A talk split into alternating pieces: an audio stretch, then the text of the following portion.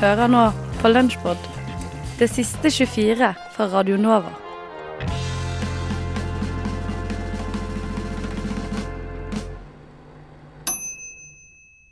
Det er 6. mai 1937. Et majestetisk luftskip seiler over Manhattan. Skipet har krysset Atlanterhavet og er, etter tre dager i lufta, straks fremme hos Naval Air Station i New Jersey. Bortsett fra at turen over Atlanteren har tatt litt lengre tid enn forventet, har det meste gått som planlagt. Klokka er litt over 19 idet skipet NLZ 129 Zeppeliner går inn for en noe forsinket landing. Skipet er litt tungt akterut, og mange hundre kilo vannballast tømmes i et forsøk på å få det plant. Ti på halv åtte blir fortøyningstauene senket, og bakkemannskapet springer i aksjon. Radiojournalisten Herbert Morrison er på plass for å dekke landingen. Bare få minutter etter skjer det utenkelige.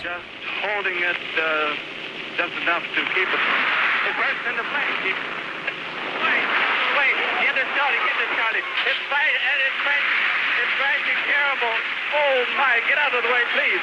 It's burning, bursting into flames, and, and it's falling on the morning beds and all the folks between us. This is terrible. This is the worst of the worst catastrophes in the world. Oh, it's, it's like, oh, four or five hundred feet into the sky. It, it's a terrific crash, ladies and gentlemen. The smoke and the flames now, and the flame is crashing to the ground, not quite to the mooring mast. Det tok ikke så mye mer enn 30 sekunder før hele det flotte luftskipet Hindenburg var et smuldrende vrak på bakken. 36 av 97 passasjerer og mannskap ble slukt av flammehavet, og det ble regnet som nærmest mirakuløst at noen i det hele tatt kom fra ulykken med livet. Journalisten Herbert Morrison skulle bli verdenskjent for sin dramatiske dekning av ulykken.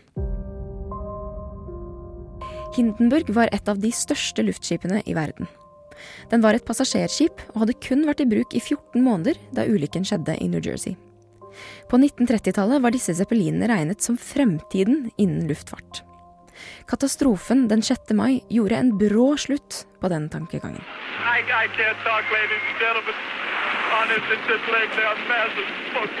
Man vet fremdeles ikke med noen grad av sikkerhet hvorfor det store tyske luftskipet tok fyr. Teoriene varierer. Noen hevdet at det var snakk om sabotasje, og enkelte skulle faktisk til og med ha det til at Adolf Hitler selv hadde orkestrert ulykken, visstnok grunnet at Zeppelin Companys overhode Hugo Eckner hadde gitt uttrykk for antinazistiske holdninger.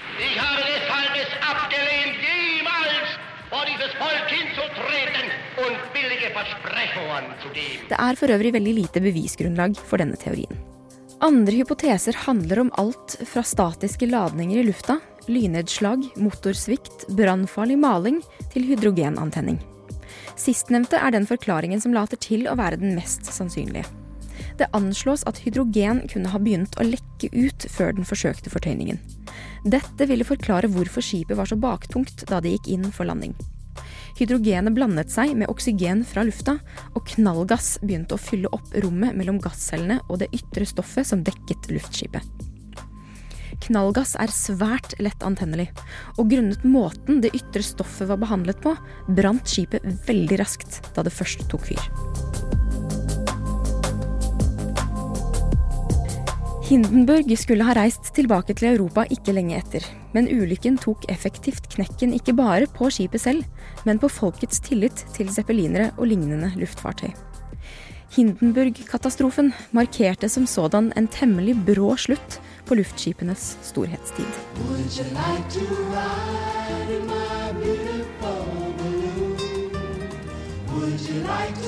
I uh, anyone who's not a feminist is is an insane person. Is an insane person. Is an insane person. Is an insane person. Du hører på Et eget rom.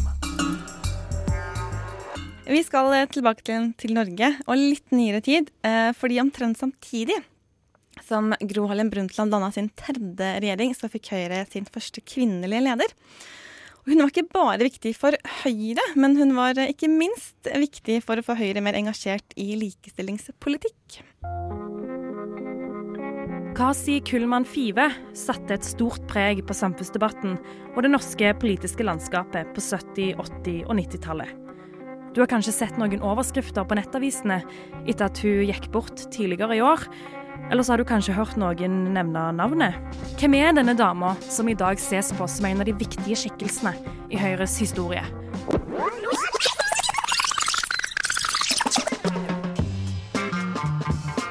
Kasi, eller Karin Cecilie Kullmann Five, var født og oppvokst i Oslo på 1950-tallet. Kasi hadde sine første politiske verv i Bærum Unge Høyre i 1971. Seks år etterpå, i 1977, ble jo Unge Høyres første kvinnelige leder, eller formann som det het på den tiden.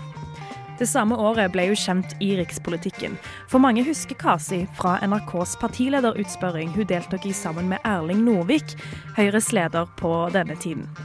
Som 26-åring og nyvalgt ungdomspartileder viste hun seg å beherske kompliserte politiske spørsmål langt utover tradisjonelle ungdomssaker. Og her i studio ønsker vi velkommen til de to som skal svare for Høyre. Det er Kasi Kullmann Five, som er formann i Unge Høyre, og som står som nummer sju på Akershus-lista. Og så er det partiformannen selv, Erling Norvik. Kasi plasserte Høyres leder i skyggen. Dette ble omtalt som en politisk blowout, og Kasi ble beskrevet som 1970-årenes største TV-suksess. Dersom det sensasjonelle skulle skje, at Høyre får sju mandater i Akershus, og de kommer inn på Stortinget, så vil de altså støtte forslaget fra, fra en eventuell Arbeiderpartiregjering om innføring av selvbestemt abort. Da vil jeg stemme for selvbestemt abort, ja. Ja. Når en tenker på 70-tallet, vil du kanskje se for deg det tiåret hvor feminismens andre bølge nådde sitt toppunkt. Aktivitetsnivået og engasjementet var høyt, og kampen for selvbestemt abort mobiliserte mange kvinner. Høyre opplevde en spenning mellom feminisme og tradisjonsforsvar i disse årene, men i Unge Høyre under Kasi var det feminismen som fikk innpass. Kasi Kulma Five. Ja, For en gangs skyld så er jeg enig med RV og Nærstad. Jeg er også dypt rystet over den situasjonen vi nå ser utvikle seg på sykehussektoren i Akershus. Det gikk noen år fra Kasi gikk av som leder for Unge Høyre i 1979, til hun gikk inn i rikspolitikken som stortingsrepresentant i 1981. Der var hun en av de første kvinnene som gikk høygravid på Stortinget. Etter å ha vært handels- og skipsfartsminister i Jan P. Syses regjering på slutten av 80-tallet, ble hun tilbudt lederposisjon. I 1991 ble hun valgt som første kvinne noensinne til Høyres leder. Jeg har eh, levet så nær eh, Høyre-lederjobben i så mange år at eh, jeg vet veldig godt hva det nå er jeg sier ja til. Som partileder i Høyre leder Kasi fram en ny generasjon med Høyre-politikere. Hennes fanesaker var de samme som fra ungdomspartiperioden. Miljø, internasjonal politikk, menneskerettigheter, EØS og EF og likestilling. Selv om Gro Harlem Brundtland ofte er det første navnet som dukker opp når kvinnelige politikere nevnes, lå ikke Kasi langt bak i likestillingspolitikken. Vi vil skape likestilling mellom menn og kvinner. Og går inn for både holdningsendringer og praktiske reformer innen familie, arbeidsliv og i samfunnslivet.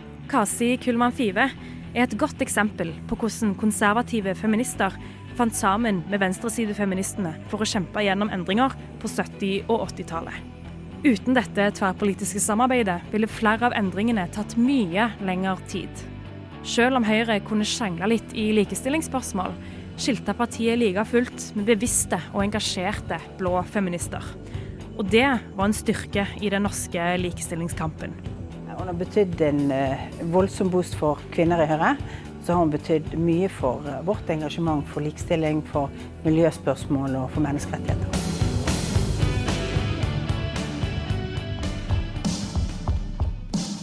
Så begynner jeg å tenke på ja, jeg er jo egentlig ganske eh, sur på den norske stat. Og jammen skal jeg gå og klage. Hvor går jeg da? Klagenemnda. Og nå skal vi fortsette med forbrukerklaging.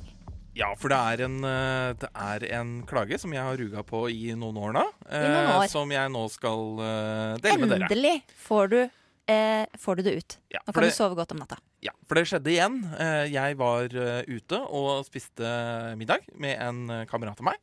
Og så Dette var en litt sånn, sånn eh, kinabule. eh, Sånn eh, thaibule. Altså sånn enkel servering, men go veldig god mat. Du vet hva slags type restaurant jeg snakker om? Ja, ja. Enkel, enkel, altså enkelt sted, men, Enkelt sted, men eh, god mat. god mat. Ja. Og så Papptallerkener, liksom, men ja. god mat. Så bestilte jeg en jeg vet ikke, 45 kanskje, Også, altså nummer 55 på menyen. Og så, sa jeg, og så spurte hun hva vil du ha å drikke. Så sa jeg en cola. Og så sier hun vi har ikke cola, eh, men vi har Pepsi. Og da, altså Da, Da, klikker det. Da klikker det inni hjernen min. Og jeg har lyst til å bare liksom si er også cola. OK, det er en coladrikk. Ja, nei, altså Greia er at Hvis du leser navnet Coca-Cola, så skjønner du hvilken del som er eh, eh, egentlig da knyttet til eh, Til navnet. Til, eh, Brandet. eh, til brandet. Det er, for det første så er Coca-Cola er brandet. Og så kan du si Coke, fordi at eh, det er første navn som er helt unikt. Og så har du Cola, som er produktet. Det er flere som opererer med Cola. Du har Pepsi-Cola, du har RC-Cola. Tøyen-Cola. Tøyen Cola. Cola er liksom navnet på selve produktet. Og vi, hvis ikke folk kan få det inn i huet At hvis jeg er så utrolig opptatt av å få en Coca-Cola, da sier jeg at jeg vil gjerne vil ha en Coca-Cola. Men, der Men her du, vil jeg bare ha en poenget en cola. Ja, jeg skjønner frustrasjonen din. Ja. Poenget er at der tar du feil. Fordi at det, jeg kjenner flere som er sånn eh, Enten så skal det være cola, og da mener de Coca-Cola.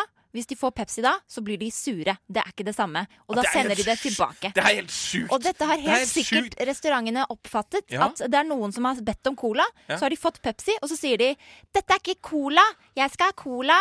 Jo, og da og da- si, må de si 'det har vi ikke', og nå har vi her- her- oss ut. Men her er min innvending. Her er min innvending. Fordi at da de må, vi, vi må skape et system her. Ja. Og det systemet kan ikke være basert på at jeg gjør noe feil når jeg gjør det riktig. Ikke sant? Jo, altså jeg kommer i restauranten, eh, jeg Bestiller bestiller, cola. bestiller cola. eh, Og, Og så har presiserer de at vi har ikke Coca-Cola, hvis det er det du mener. Ja. Vi har Pepsi-Cola. Men, men jeg sa cola fordi jeg kunne ikke bry, med, bry meg med blanke faen. Så hvis om du hadde fått Tøyen-cola, en så hadde det vært greit? Hvis du hadde fått RC-cola, så hadde det vært greit? Akkurat da så bestilte jeg en cola. Eh, Coladrikk? En coladrikk. Eh, hvis jeg var veldig opptatt av å få en eh, Coke eller en Pepsi, så hadde jeg nevnt brandet i samme slengen. Men her har vi da tydeligvis jeg et språkproblem. ikke jeg- ja, men- Skal ja. vi sende inn eh, spørsmål til Språkteigen? Og så hvis, eh, spørre om er det slik at hvis man bare ber om cola, så kan man få hvilken som helst type innenfor colasegmentet? Vi, vi kan godt gjøre det, men jeg har rett. I dette spørsmålet så har jeg faktisk rett. Hva er din favorittost? Frokost!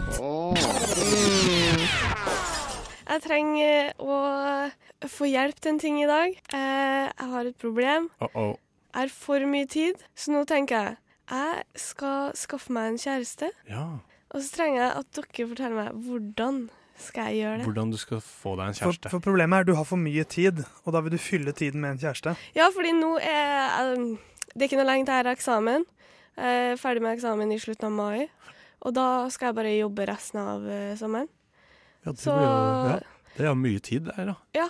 Ma- Mye potensiell tid til å spasere langs Akerselva hånd i hånd med din eh, utskårede. Utskårede? Bare- Du kan skjære han ut. Der, eh, hvordan skal Sigrid få seg kjæreste? Ja.